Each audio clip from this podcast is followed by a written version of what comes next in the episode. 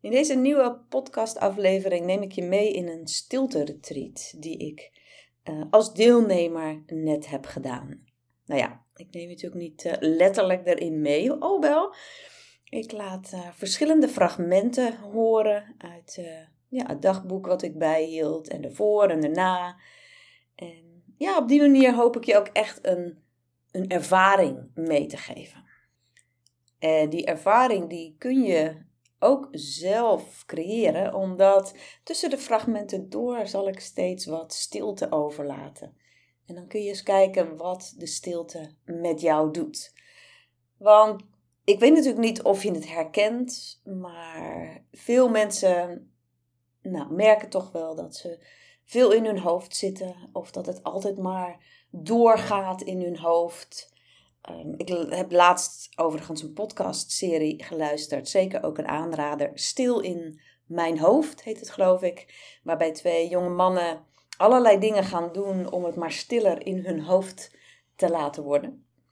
Nou is dat, mm, nou was niet per se mijn doel van uh, deze retreat. waarom ging ik deze retreat doen?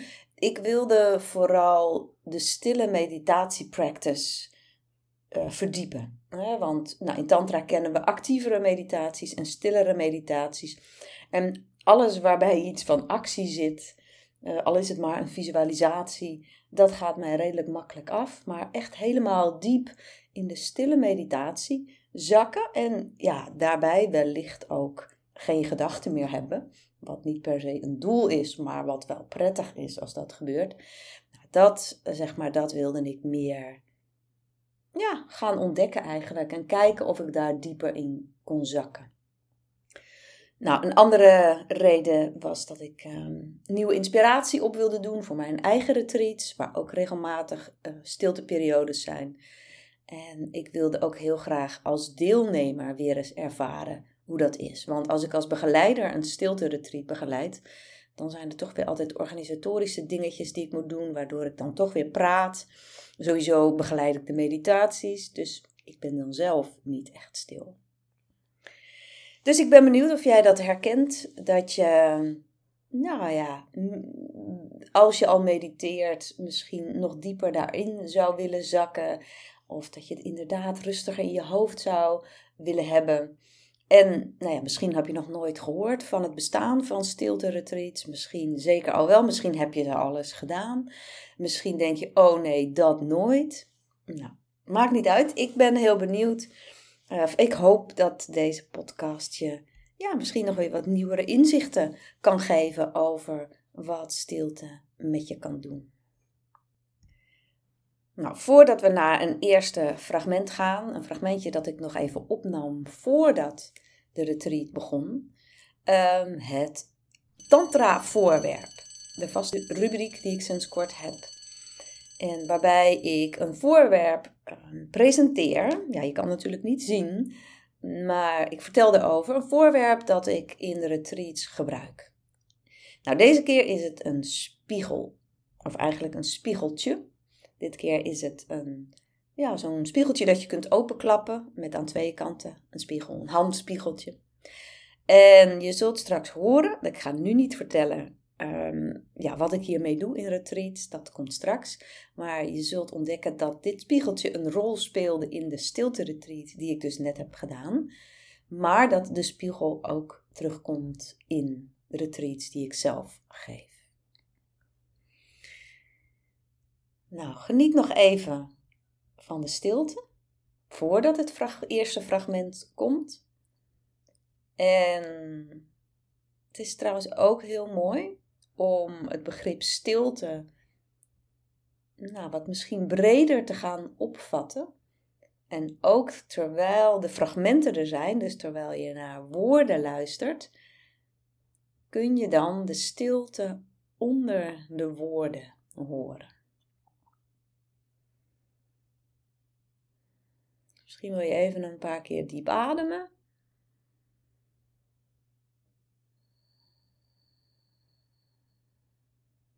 En dan komt zo meteen vanzelf het eerste fragment.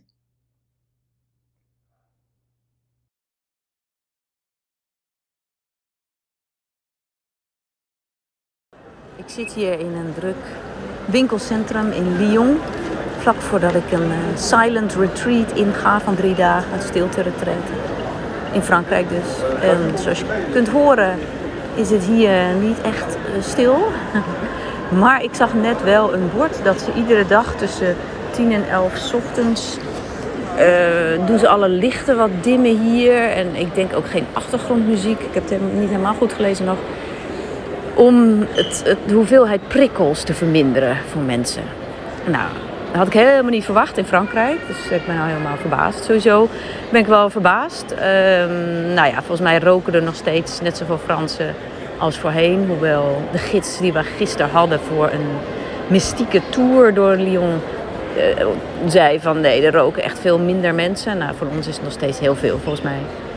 Uh, maar ik heb wel uh, chai latte gevonden en ik zie tentjes waar ze dan zeggen dat ze amandelmelk hebben en havermelk en allemaal dat soort dingen, sojamelk. Nou, dat is echt helemaal niet Frans.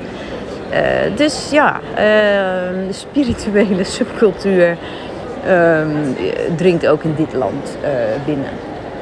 Goed, ik ga zo een taxi nemen met een paar andere mensen. Lang leven, WhatsApp en Google en elkaar kunnen vinden dan. En dan kunnen we in de taxi nog even kletsen. En ik denk vanavond ook. En dan is het echt drie dagen lang volledige stilte. Ook niet elkaar aankijken, niet aanraken. Je mag ook niet zo eventjes iets vragen dat je wat nodig hebt. Dat je te weinig, weet ik het, wat hebt meegenomen. Je mag ook geen make-up op. Uh, nou, ik ben heel benieuwd. Ik ga af en toe wat aantekeningen maken. Uh, want ik kan natuurlijk ook niet inspreken, want ik moet natuurlijk ook offline zijn drie dagen. En dan uh, over drie dagen hoor je weer.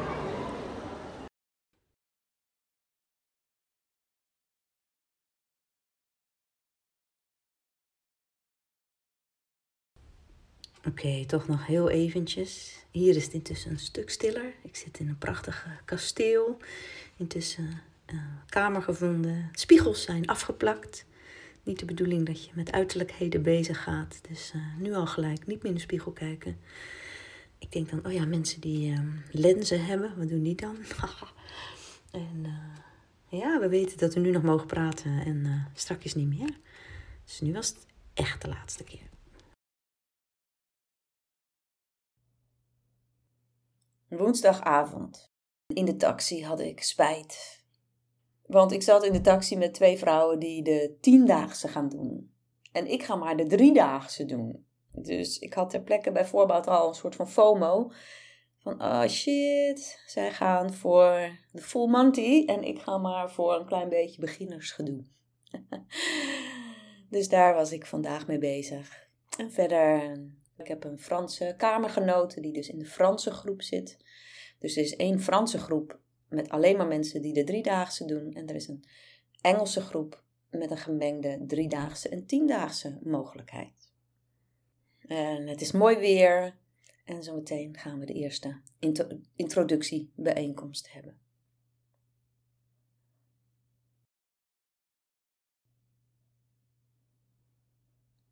Donderdagmiddag. Oh, ik voel weerstand. Als ik gisteren spijt had over dat ik niet de tien, tiendaagse ging doen, nou, dan is die vandaag heerlijk verdwenen. Ik denk, oh god, dit drie dagen lang. Het is niet de stilte, dat vind ik heerlijk. Maar er zijn ook een heleboel teachings. Dus zo stil is het niet. De leraar die praat best wel veel. En vanmiddag was er dan een, een teaching of een satsang, hoe noemen ze het? Ja, die zou een uur duren. En nou, die heeft minimaal anderhalf uur geduurd. En ik zat al vooruit te rekenen wat er dan allemaal, nou ja, hoe het allemaal anders zou lopen. En dit is ook wel een dingetje voor mij, tijd. Als iets langer duurt dan gepland, dan kan ik daar in ieder geval op dit moment lastig mee omgaan. Dus ik voel vooral daar weerstand tegen. En ik zit nu al te denken, hoe kom ik vanavond door? Dan komt er een Q&A, dus dan kun je vragen indienen op papier en die worden dan beantwoord. En ik kan nu al voorspellen dat dat eindeloos gaat uitlopen. Dus hoe ga ik daarmee om? Ehm, ga ik niet komen, maar word ik dan van mijn kamer gehaald en word ik bestraft? Of ga ik misschien toch iets uh, super boeiends missen?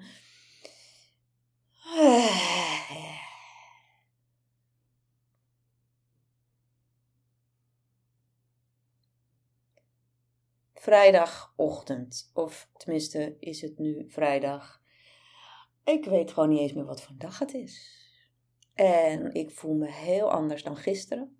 Ik ben uiteindelijk gegaan naar de QA-sessie met oordoppen in. Want dat mag hier namelijk. Je mag een blinddoek om, je mag oordoppen in. En zo heb ik eigenlijk, ja, ik kon wel iets er doorheen horen, maar niet heel duidelijk. En ik heb heel rustig gezeten.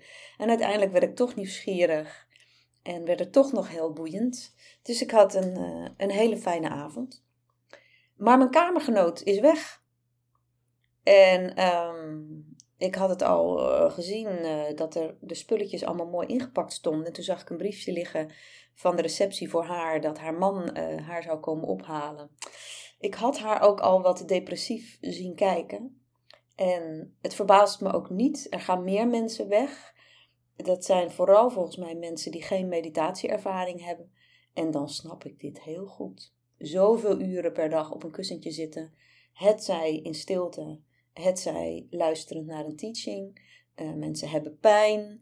Uh, het eten is ook niet echt Frans. Het is basic. Er is geen brood, er is geen wijn. Er is ook geen koffie. En dat is niet aangekondigd van tevoren. Dus ik kan me voorstellen dat dit uh, voor sommige mensen heel pittig is. En blijkbaar zo pittig dat ze dus ook naar huis gaan. Voor mij, um, ik voel me lekker. Ik voel me tijdens de meditaties ook rustig, steeds rustiger worden. En ik kan intussen een uur zitten, met natuurlijk wel af en toe verschuiven, maar ik heb geen grote pijnen, dankzij vele jaren al op meditatiekussentjes zitten, denk ik. Maar ondertussen komt de bekende stroom van inspiratie uh, voorbij, waarbij, en dat gebeurt dus altijd in dit soort retreats, een enorme stroom van ideeën over workshops en vooral mijn werk dan uh, naar boven komt. Dus dat heb ik allemaal opgeschreven. En uh, dat laat ik ook maar gewoon helemaal toe. Dus ik kan niet zeggen dat het stil in mijn hoofd is. Not really. Maar wel lekkere gedachten. Gewoon inspirerende gedachten. Dus daar heb ik ook helemaal geen moeite mee. Verder ontdek ik twee verslavingen. Eentje aan chocola. Uh, je mocht snacks meenemen. Dus ik heb gewoon lekker uh, 92% daar wel. Maar oké, het is chocola meegenomen. Maar ergens merk ik dat ik dat, oh, dat me dat gewoon echt heel veel ontspanning geeft. Dus daar waar toch dan de sessie met het lange zitten blijkbaar toch nog iets van spanning geeft, geeft de chocolade dus ontspanning. En de andere verslaving, ik wist niet dat ik die had, die heeft met het voorwerp te maken. Uh, het regelmatig in de spiegel kijken. En in mijn geval is dat dan niet om te zien hoe mooi ik ben, want dat voel ik niet echt als ik in de spiegel kijk, maar vooral een soort van check. Uh, zie ik er niet slecht uit? Zie ik er niet moe uit? Dat is iets wat ik mijn hele leven al hoor. Van, wel ben je moe? Het ziet er moe uit.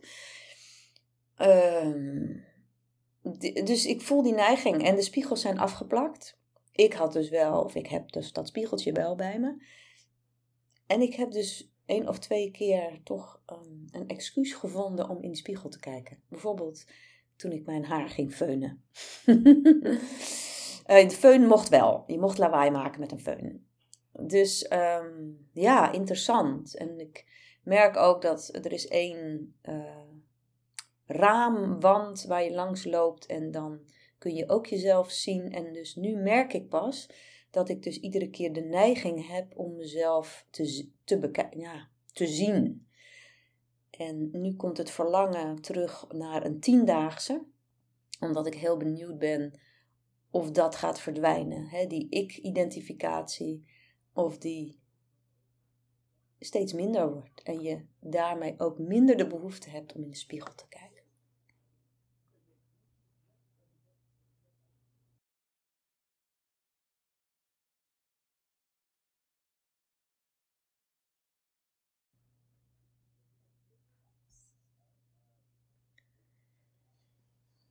Zaterdagmiddag.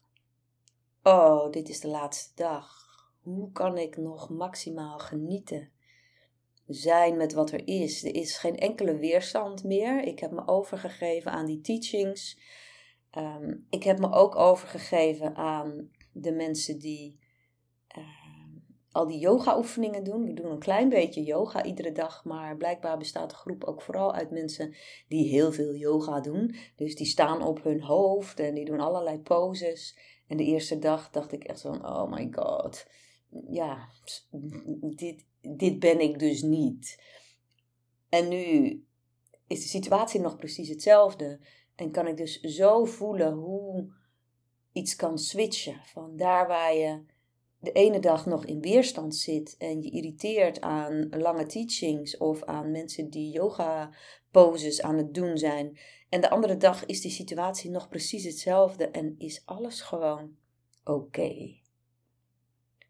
Dat is prachtig om te mogen ervaren in zo'n retreat. En ook dus al in korte tijd dat daar die switch kan zijn. Wat natuurlijk alles te maken heeft met de hele inhoud van de retreat hier.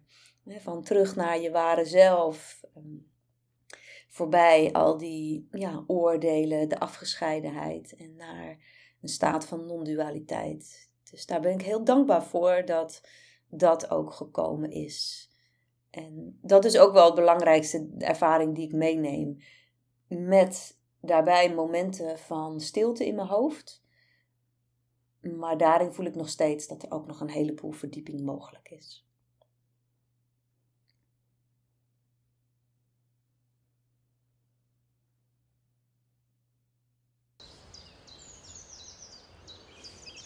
Hmm, daar sta ik dan. Ruim drie dagen later. Nog eventjes in Frankrijk, in de bergen. Met vogeltjes, maar op de achtergrond ook de snelweg. Die hoor je hier ook. En ja, ik voel me een beetje ertussenin. Dus ik, ik voel nog echt wel de rust en de stilte in mezelf. Ik voel al gelijk dat ik veel te snel liep, dit stukje. We hebben ook loopmeditatie gedaan, dus het gaat natuurlijk een stuk langzamer. Tegelijkertijd heb ik ook al wel weer mijn e-mail bekeken. En ben ik bij wijze van spreken al op reis. Nou ja, ik ga ook zo weg. Ja, gelukkig kan ik zelf altijd wel vrij snel de omschakeling maken. Naar ook weer een wereld vol geluid en mensen en werk. En ook heel veel leuke dingen. Maar ik heb het heerlijk gehad. De eerste dag was nog het, het, het meest uitdagend. En daarna was het grotendeels makkelijk. En ja, ik had, als het had gekund, was ik gebleven. Zoals ik niet uh, deze week allerlei verplichtingen zou hebben gehad. Die ik, nou, was zeer ingewikkeld geweest om dat om te zetten en bijna onmogelijk. Dan uh, ja, was ik die uitdaging wel aangegaan. Dus nou, ik geniet nog even na.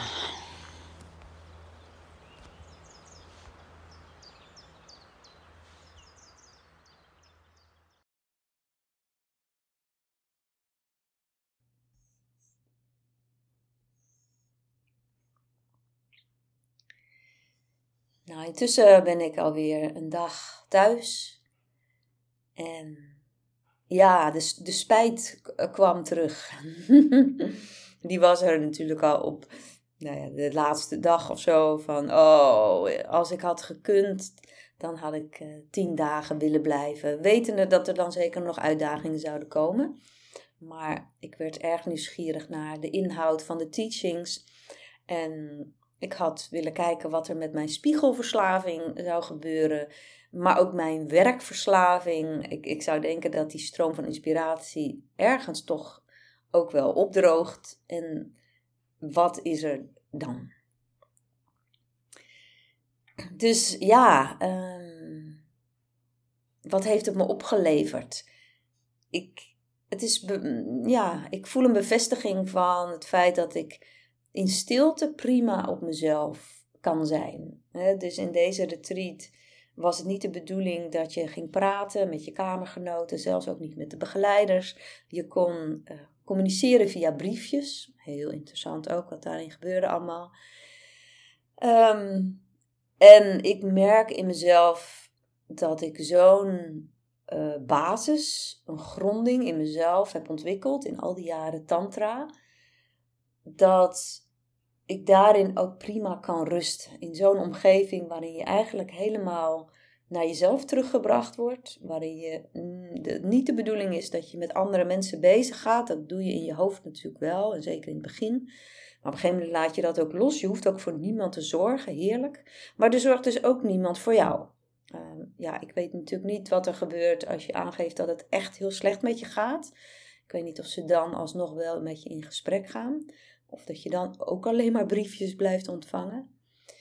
Ehm, maar daarvan merk ik weer, oh ja, Tantra brengt je, in ieder geval heeft het mij zo'n gronding, zo'n basis in jezelf, brengt het, dat je heel veel situaties aan kan. Uiteindelijk zou je er alle situaties mee aan willen kunnen gaan. Zelfs een oorlog, maar daar kan ik me natuurlijk niets bij voorstellen.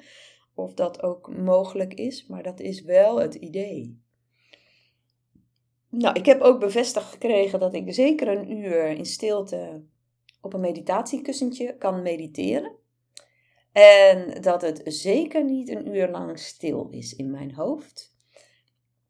Dus daarin mag ik nog steeds wel meer en meer oefenen. Ik heb heel veel inspiratie gekregen. Hartmeditaties, uh, nou ja, wat de stilte je kan brengen. Een andere visie op yoga uh, en op spiritualiteit. Heel veel boeiende dingen.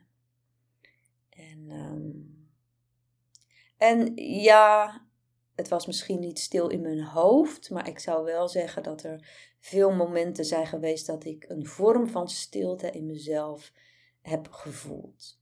Waarbij ik dus nog steeds wel nieuwsgierig ben naar wat dat na tien dagen zou doen. Raad ik deze retreat aan anderen aan? Nou, zeker niet aan beginners. Wat ik al zei, er gingen nou, behoorlijk wat mensen weg. En als je nooit iets met meditatie hebt gedaan, nou, dan is dit gewoon niet zo'n goed plan. Dat moet je gewoon niet doen. Het kan natuurlijk hoor, dat je ontdekt dat je ja, hier voor geboren bent en dat dit helemaal jouw ding is. Maar ik zou zeggen, eerst lekker eens een cursusje mindfulness doen of een tantra cursus. Uh, kijken of je een beetje kan zitten op zo'n kussentje. En of je dat naar binnen gaan, het op jezelf zijn, of je dat een beetje trekt. En voor anderen zou ik het zeker aanraden. je moet wel je eigen proces een heel eind kunnen dragen. Ehm, dus ik zou zeggen, als je niet in een goede fysieke of psychische gesteldheid bent, dan zou ik het niet doen, eerlijk gezegd. Ik denk dat je dan erg veel van jezelf gaat vragen. Maar in andere gevallen een, een heerlijke ervaring kan het zijn. En dan nu terug naar het tantra-voorwerp. Je hebt het natuurlijk al uh, kunnen horen dat ik uh, een spiegelverslavingje heb ontdekt in deze retreat. Um, ander ding is dat een van de metaforen die genoemd werd voor bewustzijn was de spiegel. Dat je bewustzijn in feite als een spiegel is waarin je dus naar jezelf kunt kijken. En in feite als een getuige naar jezelf kijken. Dat kwam ook steeds terug, dat begrip. Dus dat was het spiegeltje tijdens deze retreat. In mijn eigen retreats, bijvoorbeeld in de intensive, level 1, daar zit een mooi ritueel rond zelfliefde. En dat is ook een moment waarbij deelnemers een spiegel gebruiken. Ik zal niet precies in detail uitleggen wat precies, ehm, maar dat is dus een van de voorbeelden. Soms gebruiken we een spiegel als oplossing voor als de groep oneven is. We hebben dat al een tijdje niet meer gedaan, maar in het verleden deed ik dat best wel vaak. Dat als het oneven was en we wilden geen assistent inzetten, dat iemand dan voor een spiegel kwam te zitten en de meditatie met zichzelf deed. Bijvoorbeeld de eye gazing, het, het staren in de ogen van een ander, kun je ook met jezelf doen in de spiegel. Dus dat zijn zo eventjes twee voorbeelden van het gebruik van spiegels in mijn workshops. Nou, in de show notes vind je een link naar een meditatie. Dus als je zin hebt om een rustige meditatie te doen, gewoon op jezelf, dan kun je daar naartoe gaan. Dan vind je die link. En wil je weten waar ik de retreat heb gedaan? Bij Hridaya in Frankrijk. Ze zitten overigens ook in Mexico. Ehm, dan vind je ook hieronder daar de link naartoe. Nou, wil je bij Bliss meer stilte gaan ervaren? Dan eh, raad ik je aan om de intensive te gaan doen.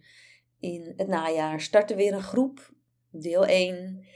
En daarin zal in het laatste blok een, een, groot deel in stilte zijn, maar ook wel op andere momenten. Soms kiezen we ervoor om een maaltijd in stilte te zijn, of na een avondsessie tot aan de volgende ochtend. Dus er zijn genoeg momenten om stilte te ervaren. En het andere is, is dat je met de intensive die basis, die gronding in jezelf opbouwt, die ik eerder al noemde. Waardoor je ook een, een stilteperiode, stel dat je echt een keertje zo'n lange stilte-retreat zou doen, die ik nu net heb gedaan, eh, waarbij je echt helemaal op jezelf bent aangewezen, dan ehm, ja, is de kans gewoon groot dat dat oké gaat zijn. Ik, ik wil niet beloven dat er geen weerstand zal zijn en geen uitdagingen, want ik denk dat die er altijd voor iedereen zijn, in, in, in allerlei verschillende vormen.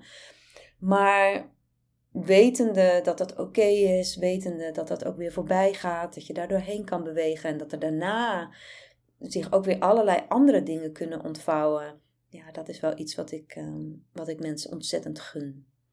Dus mocht je interesse hebben in de intensive, ga naar de link hieronder. En ehm, ja, kijk of dat voor jou passend is om te gaan doen. Dus, dankjewel voor je aandacht bij deze podcast en snel tot een volgende.